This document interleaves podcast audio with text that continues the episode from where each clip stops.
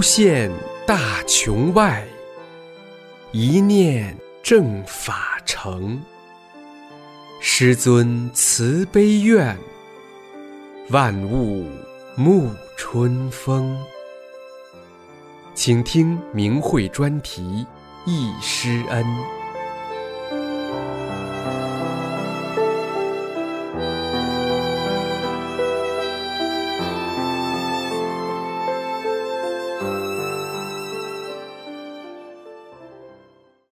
请听明慧文章，题目是《五次听师父讲法的珍贵回忆》，作者大陆大法弟子初凡，发表日期二零一二年五月二十五日。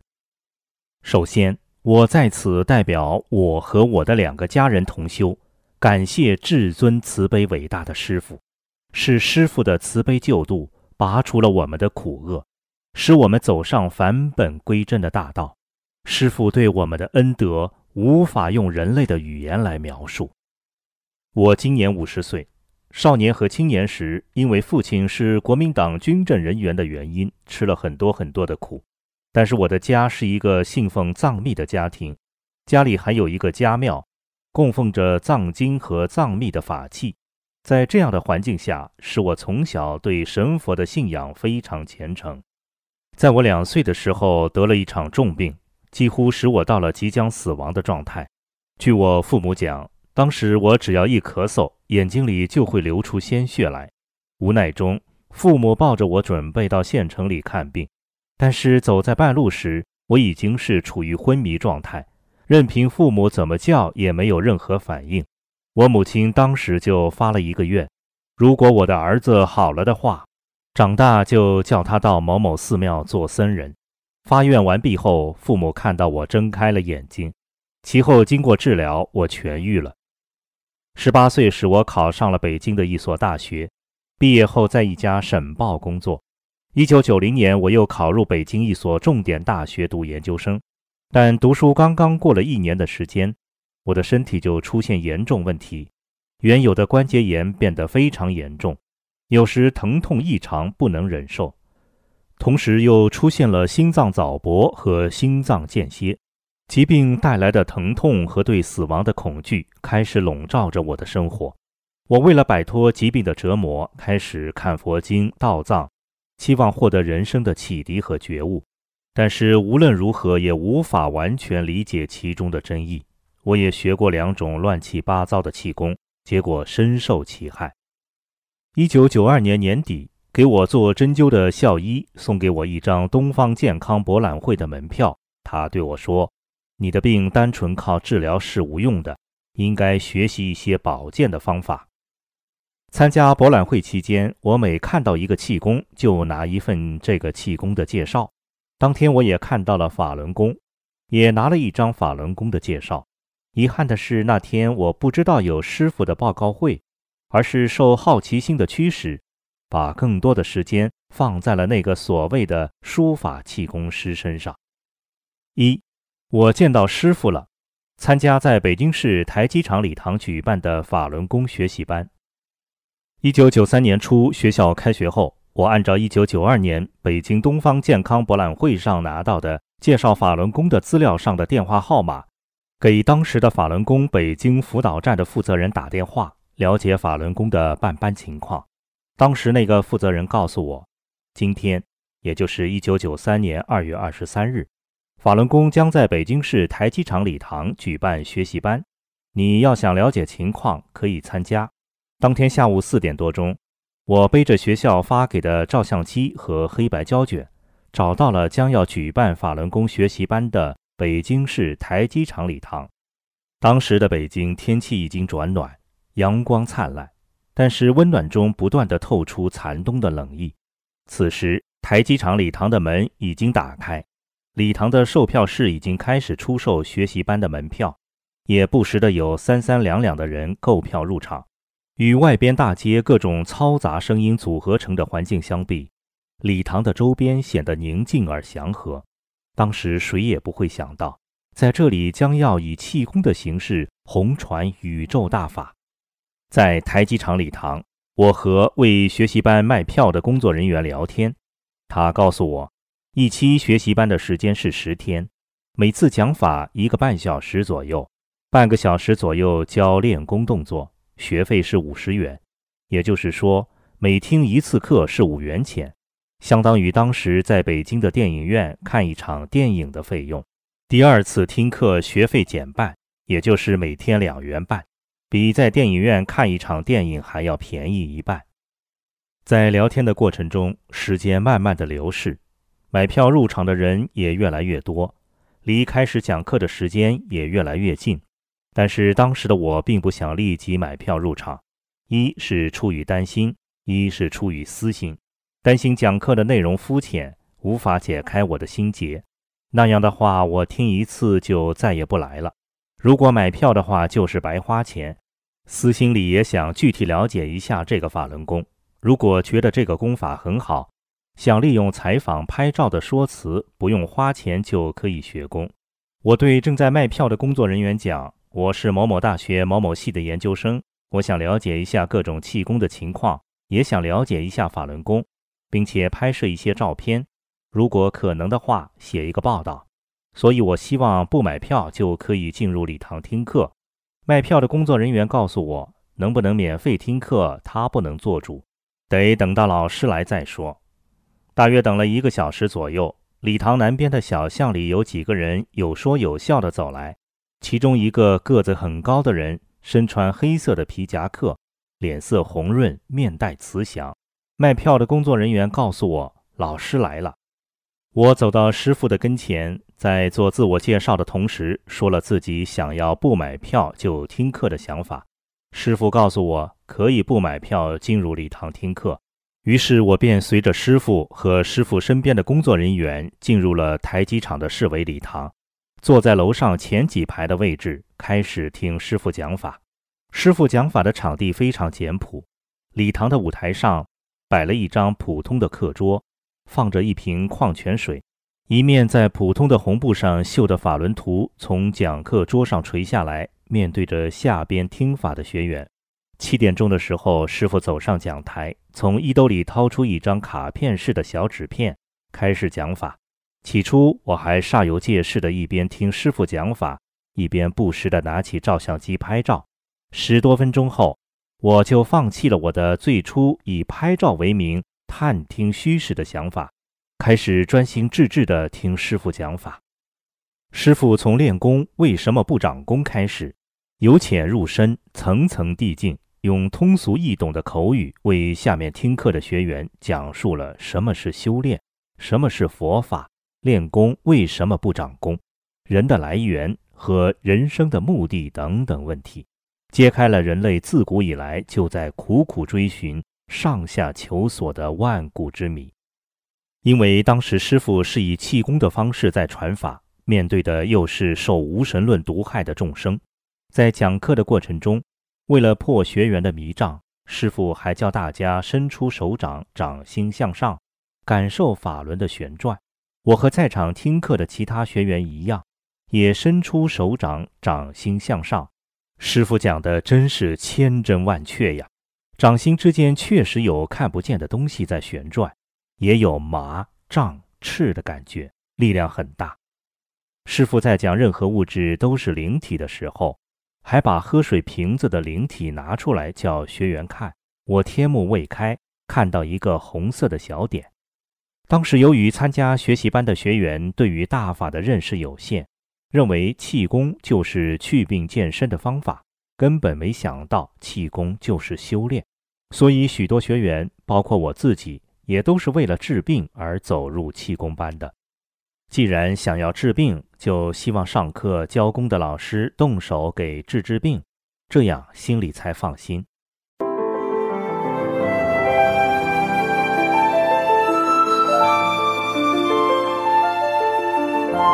您现在收听的是明慧专题《易师恩》。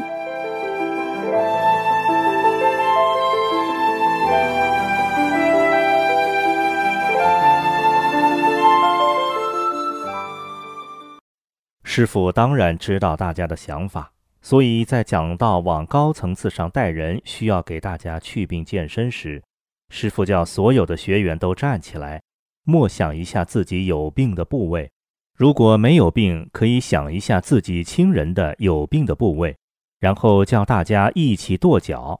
大家起立后，都开始默想自己或亲人的有病部位。礼堂内一下完全寂静下来。我是学过物理学的，知道共振会产生强大的能量，会让建筑物倒塌、桥梁断裂。所以这时我的心里出现了一个可怕的想法：这么多的人集体跺脚，会不会也产生足以产生强烈破坏作用的共振，而导致二楼坍塌呢？但是我还是按照师傅的口令，和大家一起跺了脚。随着一千多人集体跺脚的沉闷的声音。我所在的礼堂二楼并没有像我担心的那样坍塌下来，而是自己的身体顿时感到一阵轻松。我的天幕没有开，但是在听师傅讲法的时候，还是看到了一些很奇特的影像。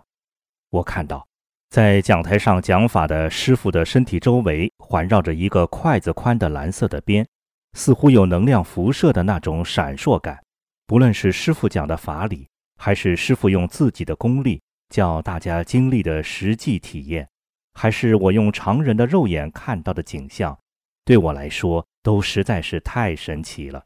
当时的我虽然只有三十一岁的年纪，但是正处于一种深陷泥淖的困境之中，身体上正遭受着关节炎的折磨，心灵承受着由于心脏间歇带来的对死亡的恐惧，思想中充满了。由于对人的来源和目的的不解而带来的困扰，所有的这一切随着师傅的讲法，犹如阳光下的寒冰一样，不知不觉地被融化，消失得无影无踪。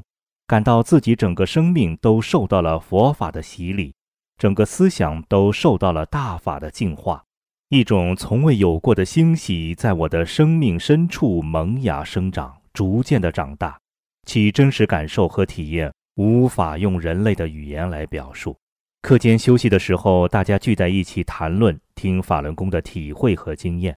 一个年龄在四十五岁左右的北京学员，谈到了他练功过程中的新奇之事，就是师傅在讲法时讲开天幕时的那种状态。每天练功的时候，都感到自己在一个通道里往外跑。从自身的经历证明了师傅讲法的真实不谬。师傅讲完第一讲的内容后，休息十分钟后是学习练功动作的时间，由当时老师身边带的年轻学员来教大家练功的动作。开始时，大家睁着眼睛，按照台上教功学员的演示学习第一套功法的动作，然后大家双目微闭，集体练功。由于练的是第一套功法，所以感受到能量非常大。期间，我偷偷地睁开眼睛。看到师傅正在礼堂内帮助动作不太准确的学员纠正练功动作。第二天学习班改在北京京广中心北边的合仪器厂礼堂举行。此时我的想法已经发生巨大的变化。我想这么好的法再不花钱去听去学实在是不合适，所以就去售票口买了学习班的门票，进入合仪器厂礼堂，正式参加法轮功学习班听法练功。晚上回学校的路上，身体轻松无比，犹如脚下装了弹簧一般的有弹跳起来的感觉。师傅为了坚定我学法练功的心，第二天早上在我醒来还未睁开眼睛之时，让我看到了，在山根部位有一个细腻而光滑的椭圆形黄色圆圈，久久才慢慢散去。学习班结束后，我立即戒掉自己多年养成的无度抽烟和喝酒的恶习。每天在晚上十点左右离开宿舍，在校园内找一处僻静无人之处练前四套动功。早晨或半夜拉起自己床上的布帘练第五套的进攻。为了在练功过程中有人能进行交流，不久我又找到了紫竹院公园内的法轮功练功点，和紫竹院对面的公安部家属们一起练功。不知不觉之间。困扰我多年、疼痛起来无法忍受的关节炎消失了，让我充满恐惧的心脏间歇也再没有发作。一九九三年四月二十九日到五月六日，我通过紫竹院练功点买票，参加了在北京五棵松航天部二院礼堂举办的北京第十七法轮功学习班。但是非常奇怪的是，这一次参加学习班给我留下的记忆很少。在我的记忆中，清晰场景画面只有一幅：在一次上课前，一个通过学习班听法练功的而身体康复的五十多岁的妇女，等在礼堂外边的空地上，见到师傅正从外边走来，扑通一声跪下给师傅磕头感恩。师傅用手把这个妇女搀扶起来，和蔼地告诫大家。再不要这样搞磕头感谢的事。二，师傅的慈悲。参加北京第十一期法轮功学习班。一九九三年七月二十五日到八月三日，中国气功科研会公理功法委员会在北京公安大学举办北京第十一期法轮功学习班。我也有幸参加了这次学习班，留下了许多美好的记忆。这次学习班举办之时，正是北京夏季最热的时节。天气非常炎热，但是参加学习班的人数却比较多，大约有两千多人。由于白天较长，所以开始讲课的时候天色还是很早。一天下午，我在去公安大学礼堂的途中，在路西的一家小的清真馆子吃拉面，准备吃完后去听课。突然看到穿着白色短袖的师傅从饭馆的窗口一闪而过，我立即几口吃完碗中的面。非常快速地往前追赶，希望能赶上正在去公安礼堂讲课的师傅说一说话。但是，一直到公安大学礼堂，也没有见着师傅的身影。在这次学习班上，我体验到了另外空间和我们这个空间出现的一些干扰，如有时师傅在讲法的时候，麦克风的声音会突然增大，并带有古怪的咕噜声，这时师傅就会停下来，用右手在麦克风的边上扇动。然后再重新开始讲法。还有一天，师傅正在讲法，礼堂前十排左右偏左边的位置上，一个三十五岁到四十岁左右的妇女突然站了起来，打断了师傅的讲法，并说师傅骗人。被突然打断讲法的师傅却超常的平静，非常平静温和地告诉工作人员退还这个人的学费，让这个捣乱的人自己离场。这次学习班上还有一件事值得一提，就是在这一次学习班上举行了中国法轮功书籍的发行仪式。那天的礼堂充满了祥和慈悲，礼堂舞台的上方挂着中国法轮功发行仪式的横幅。师傅讲课的桌子面向学员一面的是法轮图形和环绕法轮图的“法轮常转，佛法无边”。和玄法至极十二个金色汉字。发行仪式正式开始后，首先由主办单位中国气功科研会功理功法委员会的主任向学员介绍了大法和大法书籍出版的一些情况，然后是师傅就中国法轮功一书和修炼的问题进行了简短的讲法。我因为提前从法轮大法研究会的主要负责人那里得知了中国法轮功一书发行的事，所以我专门带着装了彩色胶卷的照相机，在举行书籍发行仪式的时候，我上到了主席台上，拍摄了图书发行的整个过程，照片交给了当时研究会的工作人员。中国法轮功图书发行仪式结束后，在主席台右侧的接待室。主办方中国气功协会功理功法委员会又召集主持了一个短暂的采访活动。接待室的空间很小，除了师傅外，还有四五位准备接受采访的学员、准备采访的摄像、主持人等。我也进入了接待室的里边，在那个小小的接待室里，我有机缘和师傅握手，向师傅问安。期间，师傅用他那宽厚、柔软、温暖的大手。给予我从未体验过的慈悲，同时用一种难以言说的眼神看着我。本来我想在这里问师傅很多很多还未解的问题，但是此时虽然坐在师傅的身边，却一下感到没有问题可问了。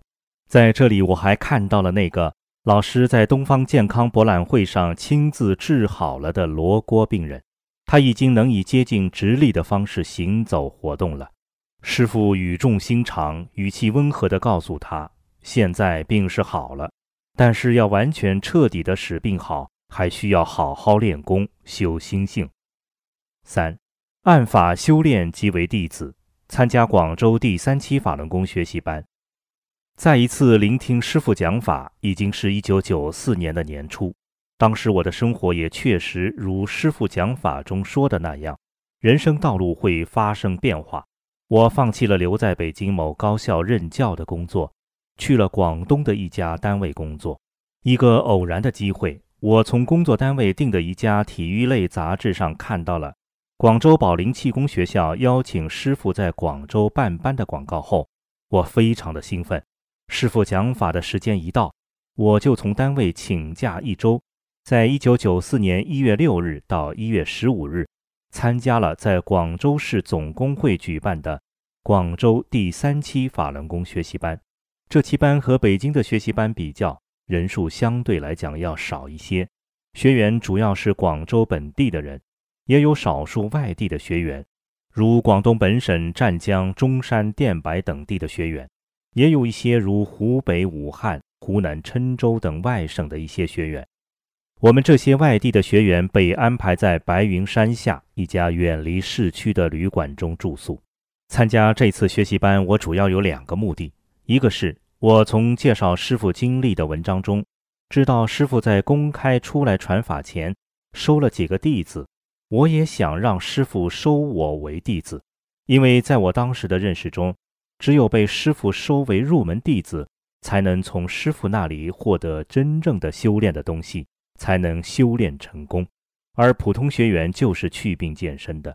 一个是我在练功中遇到了身体上强烈的病液反应，我的胸腔的内部犹如被撕裂了一般，疼痛无比，同时感到有一个很薄但是沉重无比的石头压在我的胸部。当时由于我工作的地方没有一个大法弟子可以交流，所以想通过学习班见到师傅。从师傅那里获得解答，大约是师傅讲法的第三天。听完师傅讲法后，我没有马上离开，而是决定等在广州市工会礼堂的门口，等待师傅从礼堂出来时，门口除了我以外，还有几个等候师傅的学员站在那里，其中两个像是年轻的情侣或刚结婚不久的年轻夫妻。一会儿，师傅从礼堂出来了。两个年轻的男女率先问师傅问题，其实他们主要是想要给那位女士项链玉坠上雕刻的佛像开光。师傅听后就把雕刻有佛像的玉坠拿在手里，大约过了三十秒左右的时间，师傅展开手掌，告诉两个年轻人说：“好了。”两个年轻人拿到玉坠，高兴地走了。两个年轻人一离开，我上前先向师傅介绍了我自己。然后我向师傅说了我的两个心事。我对师傅说：“我想让您收我做您的弟子，我不想当一个普通的练功的学员。在接收我做弟子期间，您可以考验我，给我定一个时限。还有，我在练功中出现身体上剧烈反应的状态是什么原因？有什么意义？”师傅听后又给我概括地讲了什么是大法弟子和物极必反的法理。近二十年的时间过去了，我现在已经无法准确回想起师傅给我讲的原话。我理解的意思是说，只要你按照大法的标准修炼，你就是大法弟子。作为修炼的人，只要你修炼，就不会有任何问题。所遇到的事情都是好事，身体上的难受也是一样，物极必反。难受到极限时，就是向好转化的开始。此时，我的心结一下被打开，所有的困扰瞬间消融。正是靠着对师傅讲的“物极必反”的法理的信，帮助在其后的修炼中，闯过了许多大大小小的病业关，度过了两次严重食物中毒的劫难。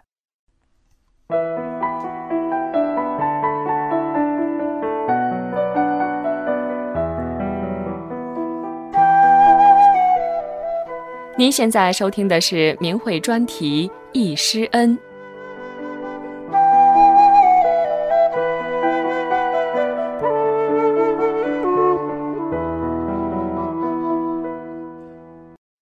听完师傅的讲法后，我又碰到了一位在北京认识、现在随师傅到广州的法轮大法研究会的工作人员。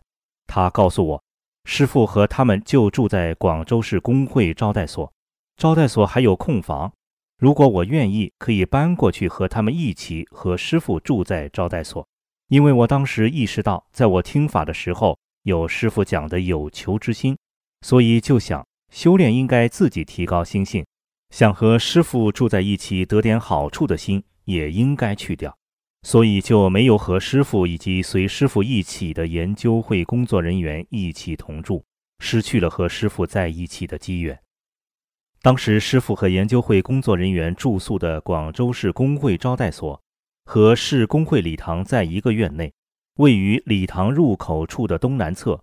那是个过廊在外边的简易二层建筑，门都是那种上个世纪七八十年代的木门。门上边有一个小块的磨砂玻璃的窗户，中下边由木框架和装在其中的薄木板组成。每个屋有一个单独的开在过廊里的木门。和八九十年代的大学学生宿舍的门一样，相隔不远，一个挨一个排列在一起。内部是一个个单独的小小的格子屋。师傅当时传法的艰难，可见一斑。四，巨型法轮天空线，参加广州第五期法轮功学习班。时间转眼就到了一九九四年的夏天。由于受到过去看佛教书籍的影响。认为给大法捐赠钱财可以增加功德，有助于自己的修炼，所以我在一九九四年五六月间就给当时大法研究会的负责人王志文写了一封信，说了自己想把当时工资的一半拿出来资助大法的想法，并给王志文寄了两千块钱。不久，我收到了王志文的来信和寄回来两千块钱，信只有一页。是一种有淡蓝色横线的软软的纸张。王志文在信中告诉我，大法不收钱，告诉我要多修心性。也就是这样简单的信件往来，促成了我参加1994年12月21日到12月29日广州第五期法轮功学习班的机缘，在那里聆听了师傅在中国大陆最后一次讲法。广州第五期法轮功学习班举办的地点在广州越秀区体育馆，参加讲法班的学员非常多。体育馆所有的座位票售完后，还有许多从全国各地来到广州想要参加学习班的学员，只能买站票。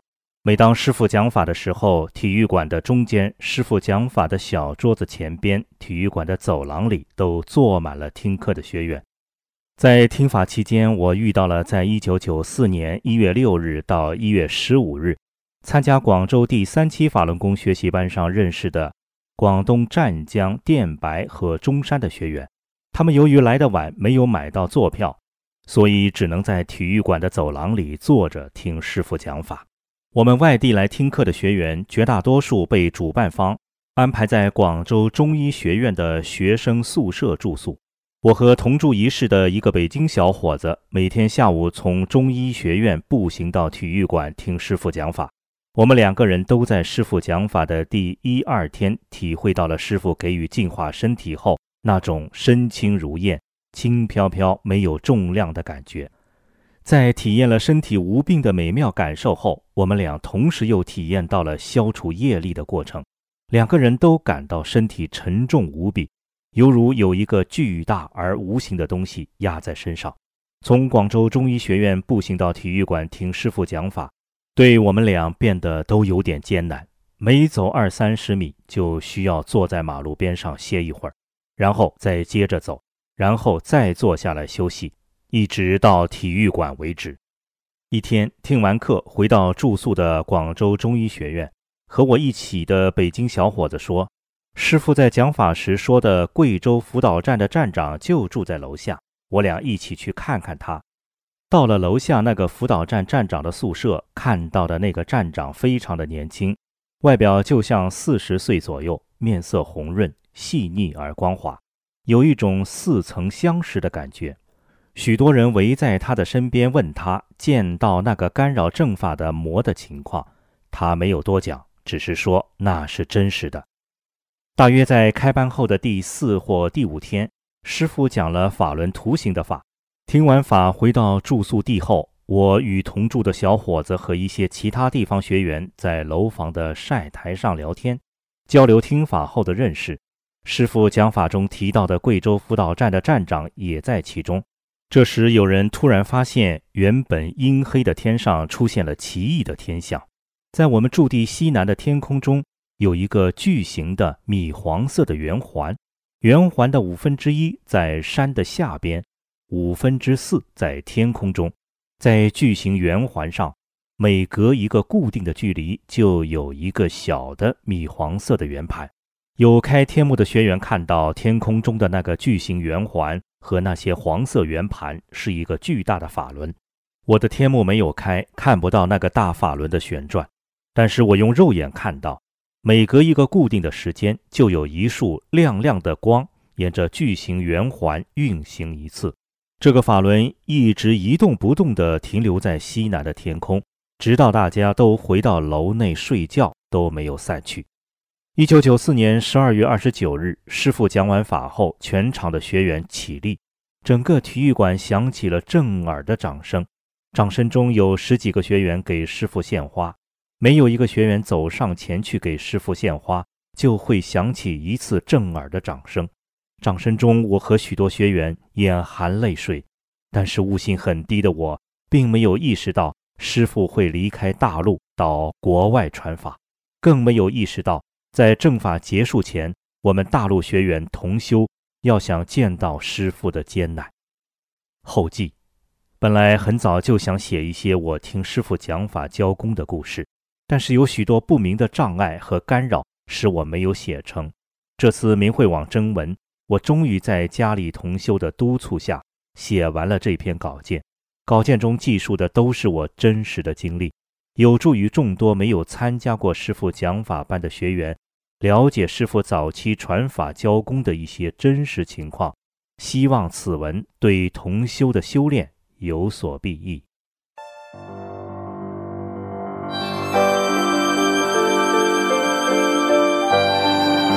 这次的易师恩就到这里，谢谢收听。